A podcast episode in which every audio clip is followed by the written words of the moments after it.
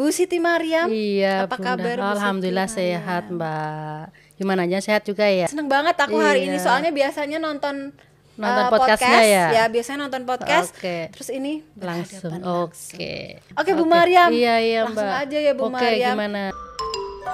Jadi gini, eh, kasusnya nih ya, Mm-hmm. eh, kebetulan ponakan aku sendiri, eh, lahirnya itu eh, kulitnya terang, jadi Oke. kulitnya tampak ter- cerah ketika lahir. Tetapi dua bulan setelah eh, lahir, usia lahirnya, kulitnya agak gelap, Berubah ya? berubah. Iya. Nah, sebenarnya itu tuh karena apa, Bu? Oke, jadi yang awalnya putih, glowing gitu ya, terus tiba-tiba eh, berubah. Jadi eh, warna kulit itu bayi itu bisa berubah, Mbak. Jadi bisa bisa berubah aja. Ada eh, kadang ada curiga ya, mamah papahnya kan eh, putih. Kenapa anaknya bisa hitam? Nah, ada beberapa faktor yang mempengaruhi.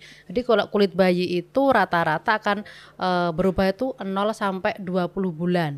0 sampai 20 Heeh, bulan. Terus 2 sampai 20 0 itu kan pas netral ya, pas sehat itu. Mati baru lahir itu kan merah kayak gitu. Terus 2 sampai 20 bulan itu dia akan mulai berubah. Eh, faktornya salah satunya yang pertama itu faktor lingkungan.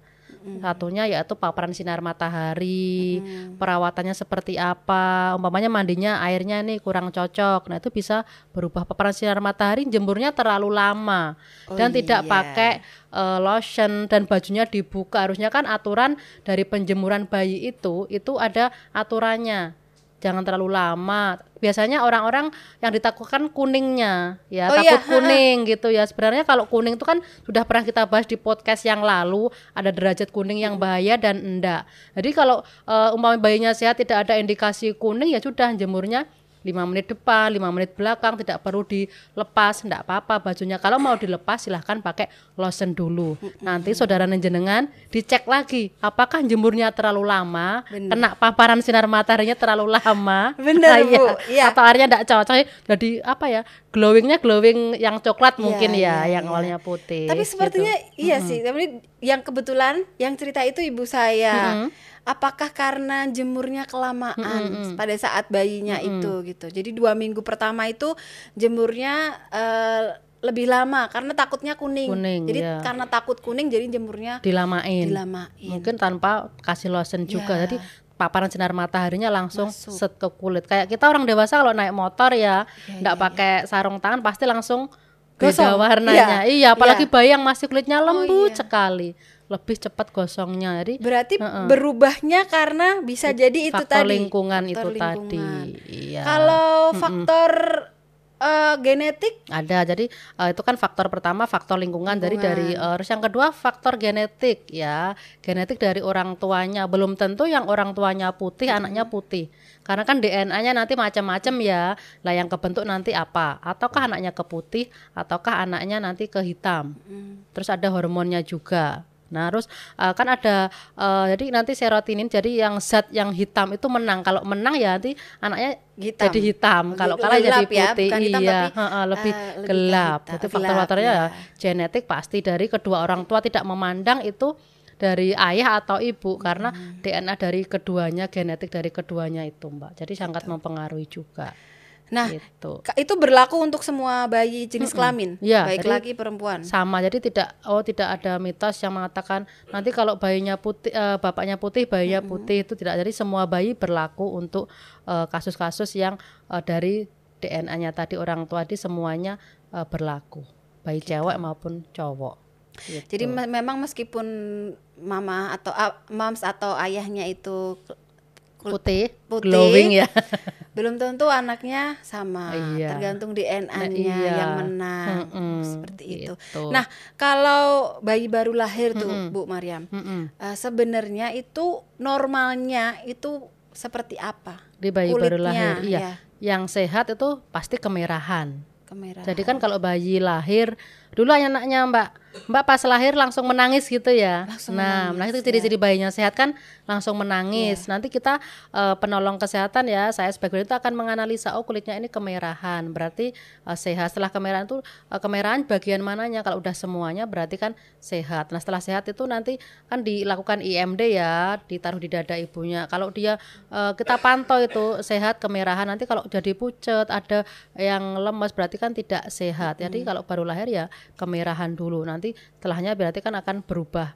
uh, jadi putih putihnya tapi putih yang sehat bukan putih yang pucat. Jadi kalau baru lahir uh, yang sehat itu kemerahan. Kemerahan Iya, berarti mm-mm. uh, lahir ceprot, Langsung menangis dan merah. Iya. Gitu.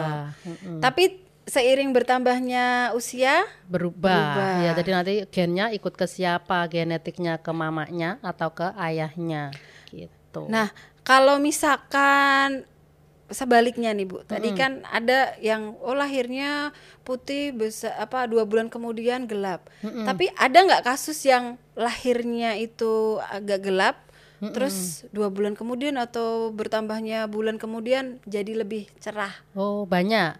Jadi kasusnya kan jadi sampai 2 sampai 20 kan masih berubah-ubah ya terjadi. Ada juga yang lahirnya mohon maaf agak hitam gitu. Terus nanti oh pas selanjutnya moncek. Kalau orang Jawa biasanya kadang bilang moncek ya di eh, berubah itu banyak juga jadi faktor perawatannya juga ya yang di rumah. Mandinya mungkin pakai lotion juga kulitnya tidak sensitif terus sehat. Itu jadi eh, lama-lama jadi lebih putih. Jadi karena memang masih berubah-ubah jadi ada juga kasus yang jadi lebih bagus daripada pas lahir gitu. Karena mungkin faktor perawatan dan Iya, lingkungan. Ki. heeh, bagus juga perawatannya dan karena juga masih berubah-ubah usia segitu. Nah gitu. kira-kira yang eh, menur- ini ini tuh ada gangguan gitu. Mm-mm. Fa- kelihatannya apa? Gejalanya Oh, apa? kulit, Kalau misal eh, kulitnya itu. bagian kulit bayi yang terjadi eh, gangguan, umpamanya iritasi lah ya. Jadi contohnya itu eh, bisa ada biang keringat. Nah, biang keringat itu kemerahan, bintik-bintik kemerahan. Terus itu bisa disebabkan alergi penggunaan produk tertentu.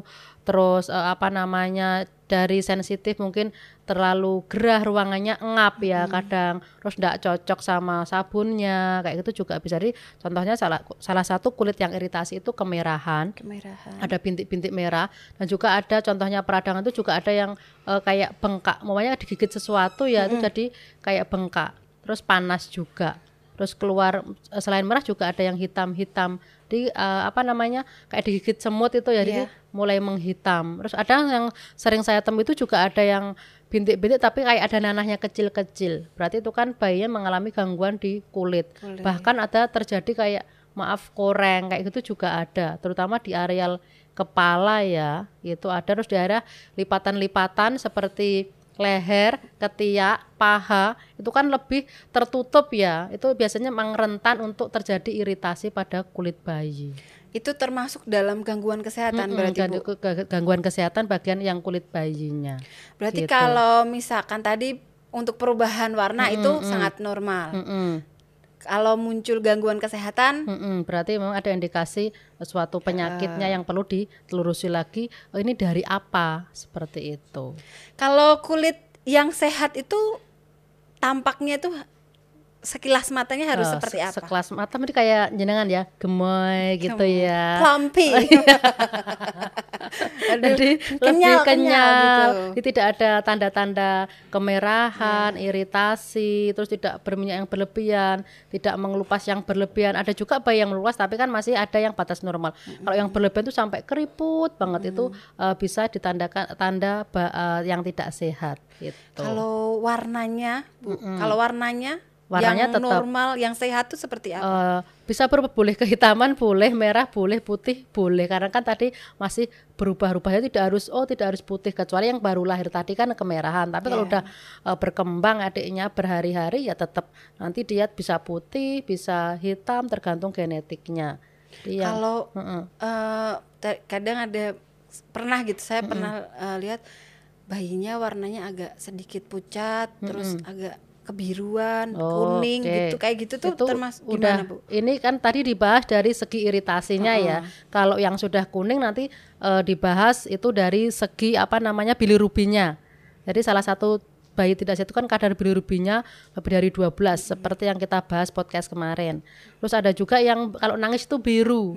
Biru tuh uh, jadi kekurangan oksigen. Jadi uh, kakinya harus kadang kadang kayak getar gitu pernah lihat ya Mbak mungkin yeah. dari biru tuh uh, nanti ada dicek lanjut oleh dokter anak adakah katup jantungnya yang belum menutup. Tapi secara kasat mata momi-momi perlu diwaspadai kalau bayinya kuning terus kalau pas nangis dia tuh biru mm-hmm. terus atau pucat itu kan kelihatan ya jadi kalau di tempat terang ya ngeceknya terang gini bisa jadi perlu diwaspadai itu ada gangguan di tubuhnya tapi bukan karena gangguan kulitnya pasti di metabolisme tubuhnya kalau seperti itu berarti harus langsung ke dokter ya, ya ke ya? dokter ya? nanti biasanya uh, yang sering terjadi itu kuning bilirubinnya ya yang naik. Ya tadi mungkin orang tua biar tidak tak, takut kuning jemurnya hmm. lebih lama. Nah itu. Terus akhirnya jadi berubah, berubah warna. gitu. Gitu. Karena sebenarnya kuning kan ada ada derajatnya yeah. ya iya. Mbak ya. Uh, itu ada derajatnya yang masih aman yang mana, yang harus perlu pertolongan yang mana itu ada derajatnya. Gitu. Nah, Bu, mm -hmm. uh, terus ini pola makan atau nutrisi waktu hamil. Mm -hmm itu mempengaruhi warna kulit bayi nggak sebenarnya? Oh, contohnya air kelapa ya. gitu ya, itu mitos ya. Soalnya kalau orang dulu waktu aku hamil bu, banyak minum air kelapa mm -hmm. supaya bayinya putih bersih. Mm -hmm. gitu. Seperti air kelapa. Mm -hmm. Sebenarnya itu mitos ya dari dari segi makanan yang dimakan momi-momi pas hamil itu tidak ngaruh di kulitnya. Jadi yang mengaruh ya tetap dari DNA. Nah tadi ya genetiknya, lingkungannya, faktor hormonnya itu uh, itu yang mempengaruhi kulit bayi. Jadi untuk uh, konsumsi makan itu hanya mitos saja. Hmm. Kalau pas gitu. ketika menyusui juga sama aja. Menyusui mitos saja untuk menyusui kalau makannya enak berarti ke ngaruhnya ke asinya, ke asinya. gitu. Lebih ke kesehatan bayi secara utuh ya, iya, bukan kan ke kulitnya dari, uh, aja dari gitu. internal langsung asupan nutrisinya gitu. Nah, kalau yang menyebabkan warna kulit bayi itu berubah-ubah sampai rentang usia mm -hmm. 20 bulan Bu mm -hmm. tadi. Itu apa aja tadi Bu? Tadi ada DNA-nya ya, DNA. genetiknya, hmm. terus ada zat melankolinnya yang zat hitamnya oh, zat itu. Iya, terus ada uh, apa namanya? hormon estrogen progesteron yang diproduksi ibunya kan wanita hamil itu kan uh, hormonnya naik turun tuh salah satunya hormonnya terus dan keempat ada uh, apa namanya faktor lingkungan tadi entah paparan sinar matahari airnya terus uh, produk tertentu yang tidak cocok itu bisa mengubah uh, warna, warna kulitnya gitu. nah kalau tadi rentangnya 0 sampai 20 bulan. 20 Jadi masih uh, berubah-ubah lah. Uh, uh, gitu. Setelah itu setelah itu bisa berubah stay di putih atau entah dia ke hitam. Contohnya anaknya kan udah mulai aktif hmm. tuh mbak. Kalau dia main ke mana-mana jadi menghitam. Tapi kalau stay di rumah ya dia akan uh, kan minim terpapar yeah. sinar matahari ya kemungkinan uh, putihnya lebih jauh. Tapi nanti juga ngikut ke gennya dia mau ikut ke siapa yeah. kayak gitu kan. Kalau ada orang yang ibaratnya kulitnya udah coklat ya itu ke coklatnya itu. Mm -hmm. Tapi kan sekarang udah ada banyak ya fasilitas untuk mengubah jadi Perawatan putih perawatannya ya. Tapi kalau udah gede, tapi kalau yeah. masih anak enggak boleh. Nah, Bu, kalau hmm. biasanya kalau berubah hmm. warna kulit berubah, hmm. itu uh, berubah semua satu tubuh atau, atau bagian tertentu, bagian tertentu. ya. Nah, uh, kalau anak-anak masih overall ya seluruh tubuh, tapi ada juga bagian-bagian yang tidak berubah. Contohnya yang tertutup. Hmm. Mungkin dari mohon maaf paha, tubuh itu kan tidak berubah karena dia cenderung lebih tertutup. Tapi kalau untuk tangan biasanya berubahnya akan lebih apalagi kalau terpapar matahari akan lebih kelihatan. Tapi untuk anak 20 bulan kan berubahnya juga belum terlalu uh, terlalu ekstrim ya. Mungkin kalau udah anak-anak yang TK SD karena udah main di luar. Oh, ini ada yang bertanya. Okay. Ini ada papa, papa nih ya. Papa Ari. Anak saya kulitnya coklat. Indikasi kulit sehat untuk anak dengan warna kulit coklat itu gimana ya, oh, Bu? Iya. Mau kulit coklat atau kulit yang putih tadi ada indikasi yang sehat ya mm -hmm. tadi yang pertama jika tidak ada uh, seperti piang kering jadi kemerahan atau kehitaman atau bengkak atau panas itu dinyatakan kulitnya sehat kalau dia mengelupas tidak berlebihan itu masih sehat tapi kalau udah berlebihan itu uh, perlu dikonsulkan ke dokter kulit ya karena memang uh, ada beberapa bayi yang sensitif pada produk tertentu. So kan tidak masalah yang penting tidak ada uh, yang keringat yang berlebihan, tidak ada nanah, tidak ada kutil, tidak ada uh, apa namanya tadi uh, kayak uh, Gatel. gatel gitu, tidak masalah. Kulit alami bayi tuh sehat ya Bu ya, Ya, pastinya. sehat, sehat. Yang penting tinggal kita meningkatkan perawatannya seperti apakah. Mau dibawa ke lebih sehat lagi atau dibawa tadi yang terlalu kepanasan tadi. seperti saya. Jadi uh, moms nih ya, tadi aku curhat sama Bu Mariam kalau em, selama bayi anak aku itu aku perawatanku ternyata kurang, Kurang tepat. tepat ya. Mandinya air panasnya nggak aku perhatikan, Eh, terlalu panas terlalu ya. panas. Ternyata harus eh, diperhatikan. Nah itu Bu ngomong-ngomong soal air hangat buat mandi, yang perawatan yang tepat Mm-mm. selain pakai lotion itu apa aja Bu? Jadi eh, diperhatikan mandinya airnya ya kar- karena karena terkadang itu ada beberapa anak bahkan orang dewasa pun tidak cocok sama air. Ter- Ternyata ada banyak zat tertentu yang eh, bikin kulit sensitif. Jadi kalau se- seorang anak eh, mandi bayi biasanya pakai hang- air hangat tapi tidak menutup kemungkinan nanti berubah menjadi dingin. Di training training dulu Mbak. Jadinya gitu. umur berapa sih sebenarnya sudah lima bulan udah boleh kok dingin. Yang penting nanti bertahap dulu dari agak dingin menjadi dingin. Nanti kalau udah terbiasa, monggo silahkan. Jangan jangan terlalu panas. Kalau terlalu panas kita kalau mami pakai rumus suam-suam kuku ya. Kalau terlalu panas takutnya mengelepuh. Akhirnya ada juga yang kasus yang menghitam.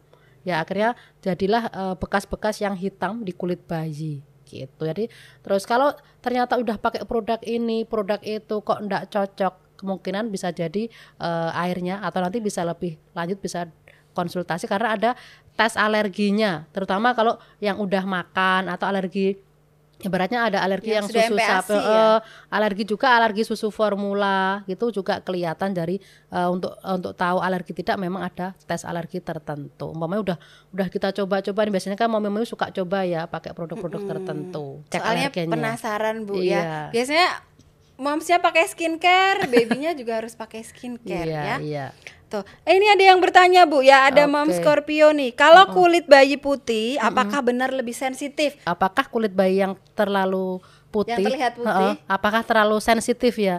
Jawabannya mitos Oh, ya. Jadi mau kulitnya coklat, mau hitam, mau putih itu sensitif kadar sensitif seseorang itu berbeda-beda. Saya yang hitam gini juga eh, sensitif sekali sekali digaruk itu langsung bekas cakaran ya. Jadi memang eh, kelembutannya, kelembapannya beda-beda. Ada juga yang eh, hitam ya kayak saya itu sensitif. Tapi ada juga yang putih tapi tidak terlalu sensitif jadi mitos saja. Tapi kalau yang putih itu umpamanya dipanaskan umpamanya kena paparan sinar matahari itu kan akan lebih kelihatan eh, hitamnya lebih cepat daripada yang udah hitam. Jadi mitos untuk yang putih atau coklat itu terlalu sensitif yang putih itu mitos saja Ada moms Meganwati Bu bertanya, Bu beruntusan di sekitaran mulut bayi itu penyebabnya apa ya? Oke, di sekitar mulut bayi jangan disalahkan ASI. Saya tekankan ya. Kadang-kadang orang-orang ngomong ini alergi ASI nih, Bu, eh, apa namanya kecipratan ASI. Tidak. Jadi ASI saya tekankan lagi tidak ngaruh di beruntusan. Asinya katanya panas. Iya. mitos lagi nih, kebanyakan mitos orang-orang ya. Nah, jadi memang harus eh, di- dipahami dulu beruntusan sekitar mulut bisa terjadi sensitif ya terhadap udara. Karena bayi di dalam rahim itu kan hangat enak ya. Begitu lahir nanti di dunia entah ruangannya ada debunya, eh, terus eh, apa namanya terlalu lembab, eh, kurang pencahayaan, penyinaran udara itu yang menyebabkan beruntusan tidak cuma di sekitar mulut bayi, tapi yang sering itu memang bayi eh, di lipatan atau di mulutnya. Jadi tipsnya mommy kalau habis nyusuin itu dilap mulutnya. Jadi kalau memang ada asin tapi bukan bukan penyebabnya bukan ASI, mungkin terlalu sensitif pada lingkungannya. Yang kebetulan karena bayi kan cenderung basah, Iya. gumoh, akhirnya terjadi kelembapan. Nah, jadi kalau habis nenen eh, umpamanya gumoh ya langsung dilap, bukan jangan disalahkan asinya karena itu lembabnya. Ya kan Iya. kalau lembab eh, biasanya cenderung kemerahan, beruntusan itu. Berarti itu mitos, Mitos ya? lagi. Bukan karena asinya. Bukan, iya. Tapi kan karena lembab ya faktor-faktor faktor yang lain. lain. Gitu. Ya, jadi udara, Mm-mm, kelembapan. kelembapan yang sering terjadi biasanya karena dia gumor sibuknya lupa ndak bersihkan akhirnya Iya. kelet ya kelet akhirnya jadi lembab jadi kemerahan Bakterinya mungkin iya, bekerja, ya. bekerja gitu tapi yang sering disalahin buras gitu ya, burasan pernah dengar ya Ada yang beruntusan, ada yang buras karena asinya panas. Mm, gitu, asinya enggak cocok kalian kan aduh kasihan si asi disalahkan ya Nah, itu kira-kira bisa nggak diatasi dengan lotion untuk beruntusan? Oke bisa. Jadi eh, silahkan pakai lotion tertentu yang aman buat bayi. Contohnya tadi ini ya yang aman buat bayi karena biar menjaga kelembapan si kulit si kecil. Yang penting lotionnya eh, intinya cocok untuk bayi. Kulit bayi yang aman. Seperti produk dari Doodle ini kan aman buat kulit si bayi. Yang paling penting juga jaga kebersihannya kulit si kecil. Ada yang bertanya, namanya Oke. konsalat, Ibu. Kulit bayi bisa ada putih spot putih itu karena apa ya? Oke ya Eh, sering sering saya jumpai jadi kayak spot putih di daerah tertentu bahkan terkadang ada nanahnya. Nah nanah kecil. Jadi nanti mami tidak perlu khawatir. Jadi eh, bisa dibersihkan ya pas mandi pakai air hangat dilap. Jangan lupa pakai lotion ya setelah mandi atau yang paling penting itu cocokkan produknya dengan kulit sekecil. Karena kalau eh, tidak cocok bisa menyebabkan efek samping yang peradangan tadi. Dan salah satu penyebabnya itu eh, salah satunya adalah kelembapan yang tadi ya, kelembapan, eh, kurang perawatan si kecil yang makanya ada spot yang putih. Biasanya sering terjadi di muka itu, Mom, tapi tidak perlu khawatir biasanya akan hilang sendiri. Yang perlu dikhawatirkan kalau jadi bertambah banyak, terus tambah mengganggu itu yang perlu dikonsulkan ke dokter anaknya. Aduh seneng banget ya sama Bu Mariang siang hari ini menjadi lebih rame. Biasanya aku ngobrol sendiri Bu. Oh iya. Minta tepuk tangannya dong teman-teman. Biasanya itu depanku adalah produk-produk Produk. dari Oke, uh, Doodle Exclusive iya. Baby. Produk kesayanganku di Iya. depanku. Sekarang hari ini bersama Bu Maria. Tentu aja jadi lebih menyenangkan Oke, suasananya. iya. Mengenai kulit, Kulit bayi, bayi. baru lahir itu uh, bisa berubah warna, Bi- bisa berubah. Uh, dari bayi baru kulit lahirnya Mm-mm. ke Ke kulit kulit apa, aslinya. aslinya. Em, kulit aslinya itu stay-nya di usia berapa? Biasanya lebih eh, 20 ke atas ya. 20 ke 20 bulan loh ya, jangan tahun. Udah biasanya udah kulit aslinya. Kulit Tapi tanpa dewasanya. intervensi loh ya. Maksudnya intervensi nanti kalau udah dewasa ya tetap maksudnya tidak panas yang berlebihan. Kalau udah yang faktor lingkungan eh, panas yang berlebihan berarti udah ada intervensi faktor lainnya. Jadi kalau udah 20 bulan insya Allah udah udah stay itulah kulit aslinya. Nah, eh, kalau tadi ya Bu Mariam, berarti ada kemungkinan ya bahwa kulit bayi itu berbeda sama Kedua orang kedua tuanya. orang tuanya. Nanti dari karena faktor DNA-nya tadi ya, genetiknya yang eh, menang yang mana? Karena di situ ada berbagai kayak waktu dulu belajar IPA ya Mbak ya, eh, apa namanya? Ini pembuahan terjadi, terus ini zat-zat, eh, ini yang menang yang mana nanti diturunkan. Nah, sama DNA juga gitu DNA dari kulitnya nanti yang dominan yang mana? Istilahnya yang menang yang mana itulah yang menjadi eh, kulit si kecil gitu. Jadi kal- yang penting eh, yang penting tuh sebenarnya kulit itu harusnya bagaimana? kulit yang bayi baru lahir, Iya, yang baru baru, baru lahir. harusnya kemerahan karena dikatakan bayinya sehat. Jadi menangis kencang terus kulitnya kemerahan. Nah, nanti berangsur-angsur akan mengalami perubahan. Yang perlu diwaspadai bedakan antara bahaya untuk ke kesehatan dan bahaya iritasi kulit. Kalau yang ke ke tubuhnya yang bahaya kalau kulitnya berubah menjadi kuning atau pucat eh, atau kebiruan itu yang dibahaya. Tapi kalau dari sensitifnya bisa jadi eh, ada terjadi peradangan, itu bisa terjadi ada eh, yang keringat, kemerahan yang berlebihan, ada eh, bengkak, ada apa namanya kayak cradle cap yang berlebihan, terus ada nanahnya itu yang perlu diwaspadai untuk iritasi kulit si kecil. Nah, Gitu. kalau anak aku itu eh, ketika digigit nyamuk atau apa gitu, Bu. Itu susah sembuhnya. Nah, Nah, itu karena apa? Bu? Berarti eh, kulitnya sensitif ya terhadap eh, benda asing ya istilahnya benda asing yang melukai entah digigit nyamuk entah bekas cakaran itu kan biasanya ada yang terlalu over sensitif jadi kalau digigit nyamuk ada juga bahkan saya temui itu ada yang itu mbak jadi kayak melepuh kayak udunen pernah ya Iya. nah ya itu Bu, anak Oh, iya. kayak gitu. terus berair ya Berair. nah itu sensitif. Jadi nanti perawatannya setelah mandi bawahnya pakai produk Doodle ini karena biar uh, melembabkan kulitnya. Jadi kan ini salah satunya adalah antiinflamasi juga ya mengurangi hmm. inflamasi. Jadi produk yang pas untuk kulit si kecil. Nah, gitu. kalau ini se sepenglihatan aku hmm. ya. Jadi karena kulitnya itu bekas luka, hmm. jadi warna kulitnya menjadi belang-belang. Uh, belang-belang. Hmm, jadi kulit waktu bayi lahirnya berubah. Berubah. Jadi gitu. berarti karena faktor lingkungan. Nah. Jadi lingkungannya bisa jadi karena gigitan serangga. hmm Salah satunya kan faktor lingkungan berubahnya si kulit si kecil karena berarti kulitnya dari anak bunda uh, karena faktor lingkungan. Itu bisa balik lagi nggak bu? Bisa, masih kecil nanti kan kalau udah besar bapaknya kerja di mana, stay di mana, ruangannya ber AC, lembab kan jadi lebih bersih. Tapi kalau dia uh, keluarnya di halaman yang main nyari ikan layang-layang. nah kan kena terpapar sinar matahari lagi gitu. Jadi kan sekarang perawatan-perawatan sudah banyak sekali ya kalau udah dewasa biar treatment-treatment yang biar menjadi putih itu kan udah banyak sekali. Tapi sebenarnya kan untuk aktivitas di luar ruangan mm -hmm. di bawah matahari itu kan mm -hmm. tapi nggak masalah nggak kan masalah. Jangan lupa pakaiin sunscreen dulu, lotion dulu biar nanti uh, paparan sinar matahari itu tidak terlalu langsung ke kulit. Karena kalau sensitif langsung kena kulit terjadi iritasi. Tapi kalau dilapisin dulu ya istilahnya sunscreen dulu itu akan uh, kena ada tamengnya dulu baru ke kulit. Jadi tidak langsung kena kulit. Begitu juga kalau jemur bayi tadi balik hmm. lagi kalau dibuka bajunya silahkan pakai produk dulu ya. Jadi yang aman yang mana? Mandi dulu atau jemur dulu. Nah, nah ya, ini yang sering bener, Bu. jadi pertanyaan nih. Iya. itu yang benar sebenarnya yang mana? Sebenarnya semuanya benar, tapi kalau ibaratnya uh, kita tergantung lihat cuacanya, terlalu panas tidak, terlalu semribit anginnya tidak. Kalau semuanya panas, anginnya kencang ya jangan dibugilin bayinya, jangan jangan dibukain semuanya. Nanti kalau dibukain semuanya, anginnya ada nanti takutnya bayinya malah kedinginan ya. Sebenarnya kalau sudah mandi, dijemur tuh silahkan pakai uh, tropical yang kulit dulu ya, seperti lotion dulu, baru dijemur monggo.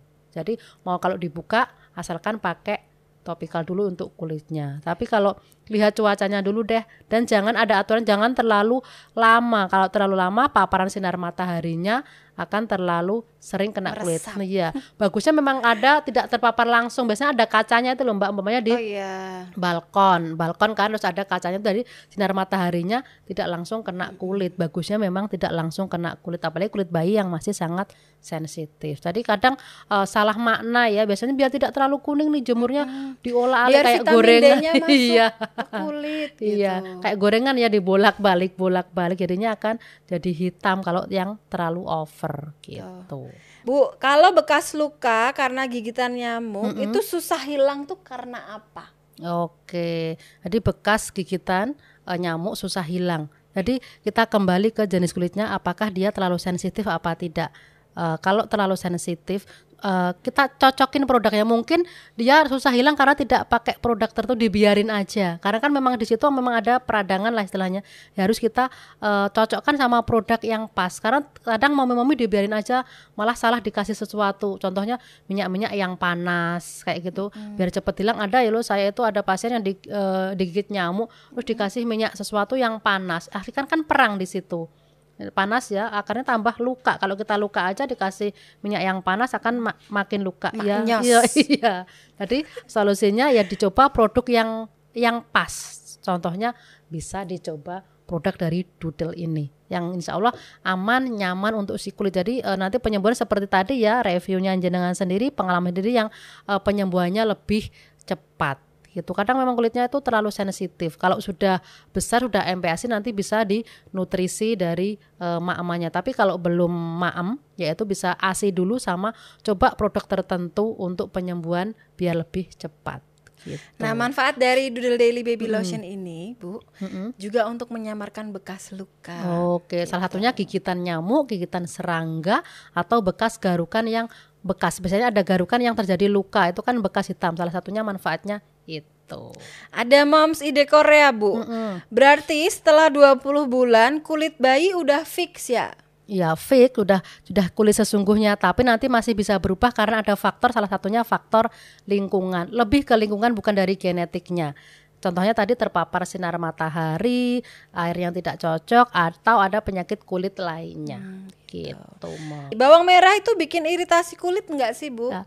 Ah, oke, okay. yang yang sering terjadi itu uh, kalau bayinya panas dikasih bawang merah sama hmm. minyak tertentu. Hmm. Ada beberapa bayi yang sensitif dan tidak sensitif. Contohnya, kalau tidak cocok sama produk tertentu atau bawang merah, pasti kulitnya akan terjadi peradangan. Contohnya yaitu terjadi uh, berubah warna jadi merah. Merah bengkak. Pasti ya salah satunya ciri dari iritasi itu merah, bengkak dan akan menjadi lebih panas.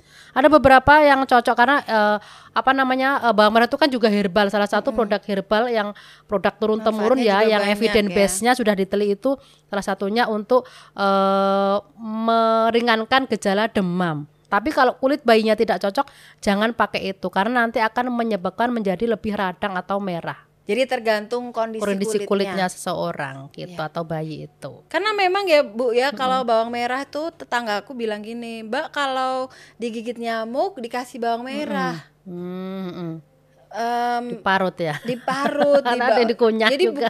biasanya kan panas pakai bawang merah. Tapi itu ketika digigit nyamuk katanya kalau digigit nyamuk atau digigit semut kasih bawang merah. Tetangga aku bilang gitu. Tapi memang belum aku praktekkan sih bu. Nah aku takut. Tambah karena radang ya takutnya. karena memang kondisi kulit anak aku kebetulan sensitif, sensitif iya. takutnya iya. nanti semakin parah. Jadi berhati-hati momi yang kulitnya si kecil sensitif untuk si kecil jangan coba-coba produk tertentu atau bahkan barang eh, barang-barang tertentu katanya katanya hmm. ya karena takutnya tambah meradang. Karena ketahanan kulit bayi itu beda-beda. Beda-beda. Kembali lagi ke kekebalan si kecilnya. Jadi yang paling penting tuh seperti apa sih Bu untuk uh, kulit bayi baru lahir tuh sebenarnya? Jadi Momi uh, untuk kulit sekecil mau hitam mau putih jangan khawatir. Yang penting kondisinya dalam keadaan sehat di kesehatan kulit yang perlu diwaspadai kalau ada gangguan dalam sistem tubuhnya yaitu berubah menjadi kekuningan, kebiruan dan pucat itu perlu dikonsulkan ke dokter karena akan diperiksa lebih lanjut. Tapi untuk yang iritasi bisa terjadi kemerahan yang berlebihan, ada biang keringat yang berlebihan sehingga membuat bayi tidak nyaman gitu. gitu. Jadi intinya mau hitam mau putih yang penting kondisinya sehat. Ya, gitu. moms. Karena mau apa pun uh, jenis warna, warna kulit, kulit, mau okay. hitam mau putih itu semuanya berharga iya, ya. Karena spesial. sudah anugerah dari yang maha kuasa. Yang paling penting adalah kulit itu ternutrisi dengan baik. baik kita menjaga kesehatan si kecil dengan uh, menjaga anugerah dari yang maha kuasa. Salah satunya yaitu penggunaan dari produk Doodle Exclusive. Aduh, terima kasih Bu Mariam. Tuh ya, Moms, yang paling penting adalah melakukan perawatan yang tepat ya, melakukan perawatan yang tepat kepada kulit bayi biar terus sehat. Sehat. Ya, okay. sebenarnya kulit bayi itu sehat ya, sehat Bu ya. semuanya. Yang penting adalah perawatannya kita, dijaga. Iya. Gitu. Biar makin sehat. Iya. Uh, aku ucapkan terima kasih kepada Bu Mariam. Oke, ya, terima karena kasih sudah kembali. mau hadir. Iya Semoga besok bisa ketemu ya kapan-kapan bisa ketemu lagi sama Bu Mariam. Nanti kita tunggu jadwal selanjutnya ya. Oh. Waktunya kita berpamit. Pamitan dulu sedih ya. Sampai ketemu Aduh. lagi ya Mbak. Oke. Ya. Yang mau konsul ke Bu Mariam bisa datang ke klinik ya. iya. ya. Kliniknya apa Bu? Praktek Mandiri Bidan Siti Mariam. Itu ada di Google Map-nya. Gitu. Ya, seperti itu ya. Jadi seperti Syahrini aku ya. seperti itu. okay. Terima kasih. Terima kasih semuanya. Mom. Selamat sore. Bye bye.